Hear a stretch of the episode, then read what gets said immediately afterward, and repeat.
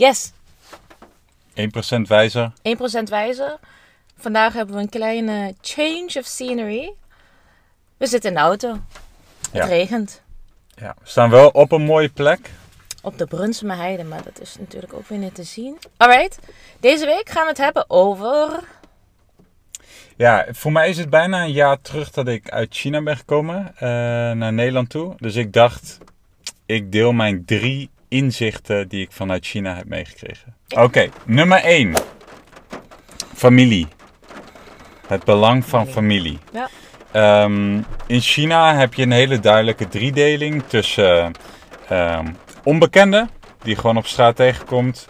Dan heb je kennissen, vrienden en collega's. Dat is groep 2. En dan heb je groep 3, familie. Allerbelangrijkste wat er is. Dus ook je prioriteit ligt 100% bij familie. En dat is in Nederland is dat veel minder het geval. Dan is er eigenlijk een veel meer een gelijkwaardige ehm, eh, verdeling. Waar sommige mensen misschien veel meer aandacht en tijd en energie besteden aan misschien vrienden en collega's. Eh, en ook nog wel echt de tijd en de moeite nemen voor eh, onbekenden of misschien mensen in je, in je buurt. Maar in China is het echt alle ballen op familie. Dus misschien Ja, toch? ja de, de familie en misschien nog wel de eerste ring van bekenden om je heen. Ja, bekenden, maar je hebt bijvoorbeeld mensen die niet per se familie zijn, maar wel heel belangrijk. Dat zijn dan weer hele, hele goede familievrienden of zo. Maar je hebt in ieder geval een hele goede relatie met ze. En daardoor zet je ze op nummer 1. Ja. Familie is altijd nummer 1. Ja. Maar je hebt bijvoorbeeld, eh, ik geef een voorbeeld. Eh, en dat ken je ook wel. Mijn vader heeft drie oudere broers en één zusje. En dat zijn bloedbroers en een zusje. Maar hij heeft bijvoorbeeld dus ook, eh, ten tijde van de sociale revolutie mocht je maar eigenlijk één kind hebben. En toen heeft zijn moeder, mijn oma, een kind van iemand anders grootgebracht aan haar borst. Zo vertelt hij dat aan mij. Ja. Ehm, zij heeft dat kind gevoed omdat een andere familie dat kind eigenlijk helemaal niet mocht hebben. Door de één-kind-politiek. En boeren, een eh, oma van mijn vaders kant was een boerin. Ik denk dat ze boeren waren. Mochten dat wel. Dus daarom kon zij dat kind accepteren. En eh, kon ze dat voeden. Maar hij is bijvoorbeeld ook een oom van mij. En ik denk dat hij net zo dichtbij staat als de echte familie. Dus er zijn een, een aantal uitzonderingen. Maar gewoon iedereen die als familie meetelt. Daar ga je voor door het vuur. Ja, nou ja, misschien kan ik beter eh, wa- wat voorbeelden noemen. Eh, je hebt sowieso twee ontzettend belangrijke eh, momenten in de Chinese holiday kalender. En dat is natuurlijk Chinees nieuwjaar. En dat is eh Thumb sweeping. Ja, tomb sweeping. Ja, dus dat, dat zijn eigenlijk altijd twee momenten dat je altijd, waar je ook woont, al woon je 2500 kilometer ehm, van het huis van opa en oma vandaan, dan ga je daar naartoe. Dus eh, het is niet zoals wij, als wij kerst hebben, oh nou, deze keer gaan we lekker naar Bali en gaan we lekker chillen eh, als, als koppel. Nee, je gaat sowieso naar oma, kleinkinderen gaan daarheen, kinderen gaan daarheen. En dan is het gewoon echt familie voor twee weken lang bijna. It's all about family. Ehm, ja, oma of je ouders. Ja, ja, Ja, ja, oké. het, is, oké. het is zo... eh, ja. Eh, niks op in te brengen. Het is, waarschijnlijk geldt dat meer voor de plattelandsmensen dan voor de city people. Ja. Als je in een stad woont, dan zijn ze al wat moderner qua denken en doen. Maar vooral degenen die op het platteland leven... Het is vo- voornamelijk, en ook heel veel vaak wonen dan de kinderen wel in de grote steden. Eh, Of de kleinkinderen, maar die gaan dan toch altijd weer terug. Want Ja. de meeste ouderen wonen dan toch gewoon nog steeds op het platteland. Ja. Eh, een ander iets, dat is eigenlijk praktisch. Dat is ook wat ik met Simona eh, meemaak. Dat zijn gewoon eh, de verzoeken. Die, of eh, ja, een verzoek bijvoorbeeld van een oom of van een nicht of wat dan ook. Als je die krijgt, dan ga je het gewoon fixen. Ja. Het is niet van, oh, het past niet zo lekker in mijn agenda. Stel bijvoorbeeld, wij wonen in Amsterdam, maar er zal een, een neef of een oom zal landen in, in Frankfurt of op Brussel Airport. Nou, als, als haar ouders dan vragen, je, o- op. je, oom, je oom is er, kan je hem ophalen? dan is er, dan is er niet van, oh nou, dat uh, schikt me niet zo. Nou, ik heb nog een ander voorbeeld dat nog wat drastischer is. Ik kom uit Het is Heerlen. heel Limburgs trouwens, om je te verontschuldigen voor waar je vandaan komt. Nou, eh, ik woonde toen een tijd in Heerlen. En mijn oom en tante uit Polen kwamen op bezoek bij mijn ouders in Heerlen. En je hebt van die Chinese bakkerijen in Rotterdam, waar je allemaal Ch- Chinese bakery, dus Chinese baksels hebt. En ik was toen een tijd in Heerlen en mijn moeder zei, kan je eventjes naar de bakkerij in Rotterdam rijden? Want je oma vindt deze lauw poppings, dat is letterlijk vertaald ehm, wife cakes. Dat zijn Mm. bepaalde koeken met, denk ik, een mengsel van witte bonen binnen eh, als vulling. Maar ze zei, kan je eventjes, eh, nou ja, bijna 300 kilometer afleggen, omdat je oma, eh, oma, omdat je oom en tante op bezoek komen. En they love it. En I did it. Ik heb het gedaan. Ik, ben, eh, ik heb toen eh, twee vrienden opgetrommeld, eventjes met de polo, lekker naar Rotterdam gereden om vervolgens, eh, ik denk een doos van 12 lauw poppings, koeken te kopen. En dan weer terug te waggeren naar, naar Heerlen. Omdat mijn oom en, o- en tante op bezoek kwamen. Vijf uur onderweg geweest. Voor 12 koeken. Nee, maar het is, dat is eigenlijk dus les 1, familie. Ja. Daardoor ben ik mijn eigen familie ook weer anders gaan waarderen. En het is eigenlijk heel mooi dat je gewoon iets, niet alleen onvoorwaardelijke liefde hebt, maar ook onvoorwaardelijke support. No matter what. Eh, ze doen alles voor je. Eh, het nadeel, of het nadeel, zo zie ik het dan vanuit mijn westerse brein. Het nadeel is dat iedereen ook alles van jou verwacht. Ehm, maar het, het, het heeft zeker iets moois en het heeft mij doen beseffen dat Nederlanders of misschien Noord-Europeanen ehm, nou ja, misschien de, de familie en, ehm, moeten gaan herwaarderen. Ik vind soms dat met de Nederlandse cultuur of de generaties, of, dat je nu ziet dat iedereen zo erg verwijderd van elkaar is. Bijvoorbeeld oma's kinderen, dus eh Edgar's moe- moeder en, en moeders eh, zussen en broers, die gaan wel regelmatig op bezoek bij oma. Maar de kleinkinderen nauwelijks. Wanneer ben je voor het laatst bij je oma geweest? Ja, dat bedoel ik dus. Dus eh, Edgar heeft mijn oma veel vaker gezien dan zijn eigen oma. Ja. Wat een beetje, want ik denk, als ik later oud ben, dan zou ik wel graag willen dat mijn kleinkinderen op bezoek komen. En dat ik niet zomaar vergeten ben. Nee, en, maar het is sowieso gewoon de, ook het, re- het respect voor ouderen is veel anders. De, de rol van opa en oma eh, is vaak veel belangrijker in de opvoeding. Eh, vaak zorgen opa en oma voor de, kleinkind, of voor de kinderen. En dan gaan de, de ouders, die zijn gewoon aan het werk. Dat is nog vrij standaard in, in China. Het verandert nu wel een beetje, maar dat... eh, en er is sowieso veel meer respect voor, voor opa en oma. Waar hier, eh, ja, opa en oma is iemand waar je een stukje, stukje cake en een kopje koffie mee drinkt. Ehm, daar is het gewoon echt een veel crucialere rol in, in de hele familiedynamiek. Zij zijn bijna de kern. En in het westen is het vaak een beetje een schilletje wat daar buiten hangt. In de bocht, heel kort door de bocht, je moet alles doen voor de ouderen. Ja, maar je hebt, is er ook niet een soort saying in, in, in het Chinees van eh, eerst, eerst heb je bitterheid en dan komt, komt de zoetheid? Wat eigenlijk betekent dat je eigenlijk dat je de eerste jaren als kind, maar ook als eh, middel, middelbaar volwassen, dat je dan gewoon ehm, eh, aan het strijden bent. En dat pas eigenlijk wanneer, zo rond de tijd wanneer de kleinkinderen komen, en daarom zijn kleinkinderen denk ik ook heel erg belangrijk eh, voor, voor Chinezen, dat dan het genieten, dat dat de, zoete jaren aan, aantreden.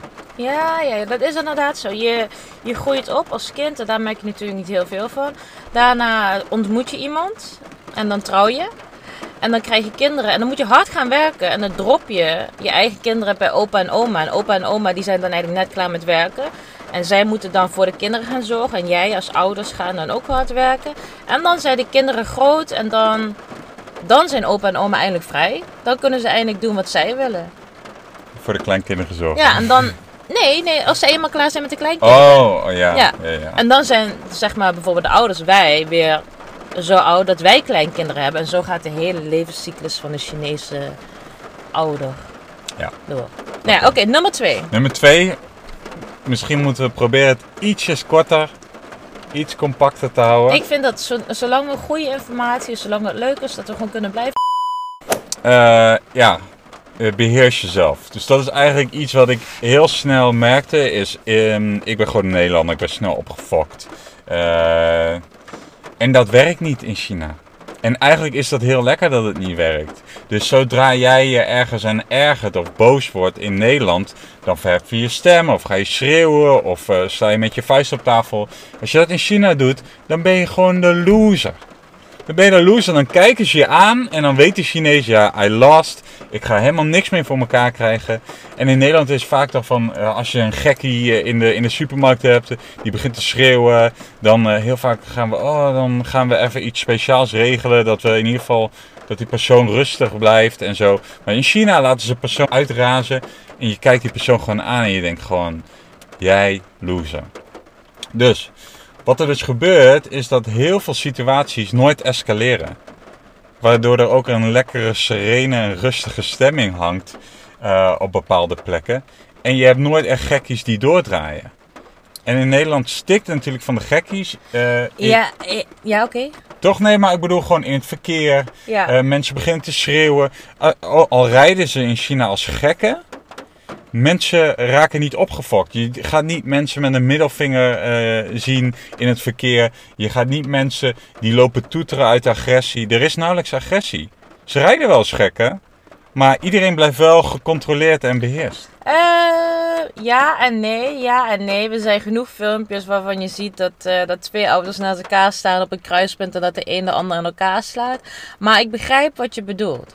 Ja. Um, het is uh, het hele concept van losing face, of miente in Chinees. Dus je you can't lose your face. Je mag niet je gezicht verliezen. En zodra je uit je, hoe zeg je dat, uit je eigen persona treedt, dan ja. verlies je gezicht. En dan heb je verloren, ja. En dan, dat betekent gewoon dat je jezelf niet kan beheersen. Wat betekent dat je slap bent. Of Ja. dat je, je, je hebt geen zelfcontrole. Dus why would we respect you?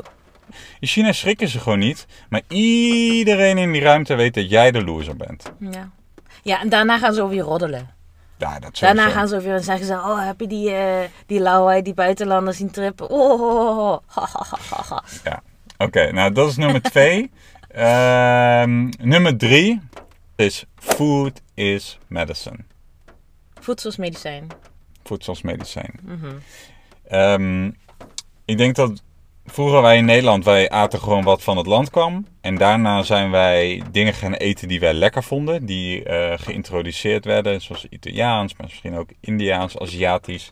En wij zijn vooral vanuit onze smaakpapillen zijn wij eten gaan waarderen. Terwijl de Chinezen, die eh, gebruiken voedsel veel meer vanuit de optiek vanuit de gezondheid. Dus dit is goed hiervoor, dat is goed daarvoor. Dit moet je in de ochtend eten, dit moet je in de avond eten. Dus die hele perceptie van voedsel ehm, is als het ware een soort ja, eh, preventief middel om niet ziek te worden, maar ook om eh, ja, een langdurig leven te hebben. Longevity is, eh, is in China het, het, het hoogste goed bijna. Ja. We woonden- dicht bij een tempel en dan gingen we daar gingen we dan eten. En dan heb je echt, zoals in Nederland hebben we de schijf van vijf, maar dat is puur op, op voedselwaren of ehm, op vitamines en zo. Maar daar heb je dan gefermenteerd eten. Daar heb je wat soep, eh, wat bone broth. Daar heb je dan zwarte rijst. Dus het is echt een soort mix eh, van ook allemaal bereidingswijzes die allemaal een bepaald doel dienen. Dus bijvoorbeeld fermentatie is natuurlijk goed voor je darmflora.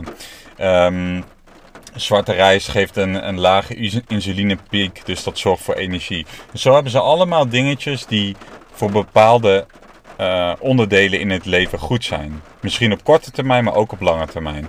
Zoals eh, Chinezen die denken dan ook van eh, de, de huid van bepaald vlees is goed voor de huid. Ogen is goed voor de ogen. Walnoot is goed voor de hersenen. Ze kijken zoveel meer naar, naar voedsel. Terwijl, Dat is niet alleen Chinees, toch?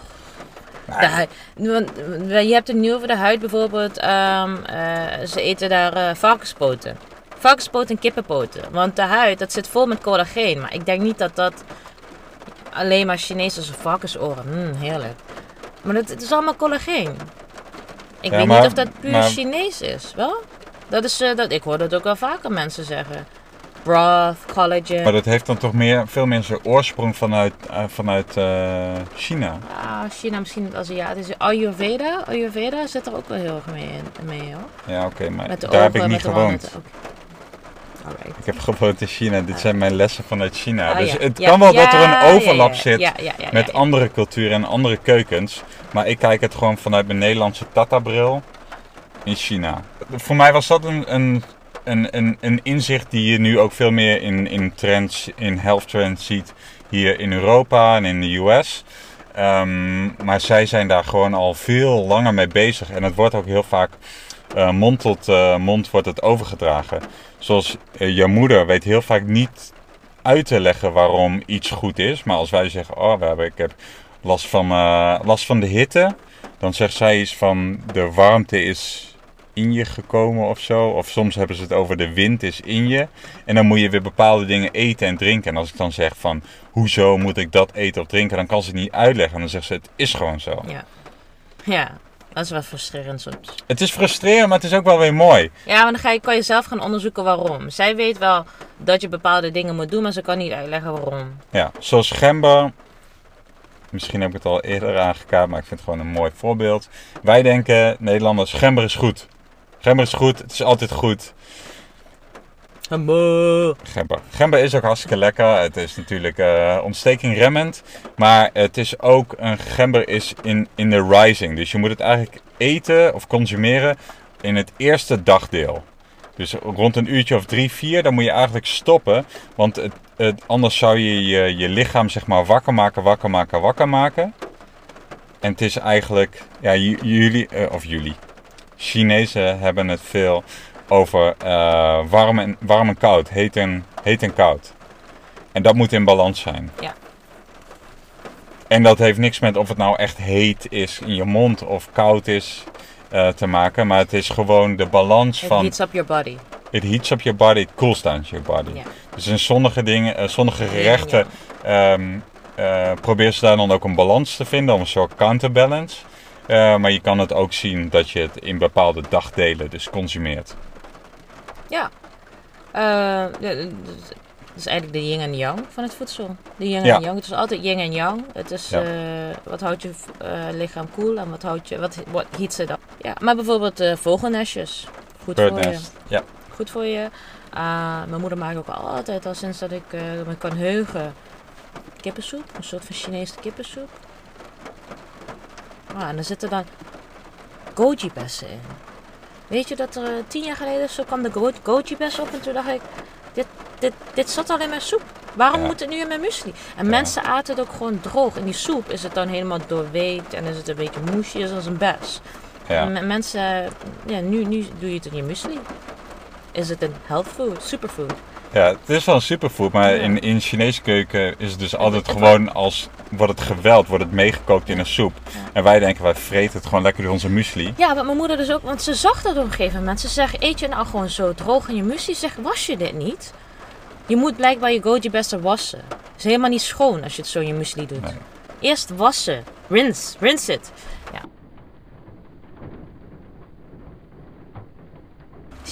Ja, dus dat waren eigenlijk mijn. Natuurlijk heb ik veel meer eh, geleerd. Maar dit zijn wel de drie dingen die ik, eh, waar ik dagelijks, of dagelijks, wekelijks eh eventjes aan terugdenk. En dat ik denk van, oké Edgar, familie, mucho importante. Twee, hou je rustig. Dat moet ik af en toe ook gewoon tegen mezelf zeggen. Eh, beheers jezelf, controleer jezelf. Wordt iedereen een stuk gelukkiger van in je omgeving. En nummer drie, voedsel. Denk aan voedsel niet in de zin van macro's, van je, je, je proteïne, je koolhydraten en je vetten. Maar denk het vanuit een holistisch gezondheidsperspectief. En zorg dat je gezond oud wordt. Dat was het. Yes. Ja, En ze worden ook oud. Als je dan naar onze oma's, mijn oma's kijkt. Ja, jouw oma wordt eigenlijk ook wel oud op haar chocoladekoekjes. ja maar je moet nooit kijken naar individuele gevallen. Eh, het is NS1. a- als je ja NS1 inderdaad. Als je kijkt naar de, de, de leeftijd van de, van de Chinezen eh, en eigenlijk in de relatieve armoede waarin deze generaties zijn grootgebracht, is dat eh, indrukwekkend. Dus er zit een gedachte achter.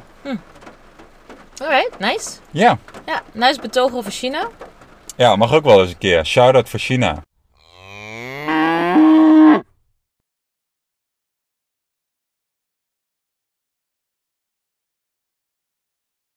Ik in... eh, Misschien moet ik even al mijn alarmen uitzetten. ze kreeg nu een notificatie dat ze haar Chinese bank moest gaan checken. Dus al, al zijn we inmiddels een jaar uit China, eh, blijkbaar Er staat geld in China. Ik ben een. Chinese miljonair. You don't want to leave me. in, in, in RMB's ben je misschien miljonair. Ik zou, ik zou willen vragen, denk je eh, dat als je niet met een Chinees zou zijn gegaan, dat je dezelfde appreciation voor Chinese cultuur had gehad? Nee. Waarschijnlijk had je het helemaal niet gehad. eh, Misschien kende je het helemaal niet. Dus, maar, ja, ik wou zeggen, misschien ben ik wel gewoon een plooi van de Chinese overheid om alle Westelingen te brainwashen. Ik denk niet dat we dit moeten broadcasten. Misschien wel. Misschien niet. Oh, nee. Cut. Cut.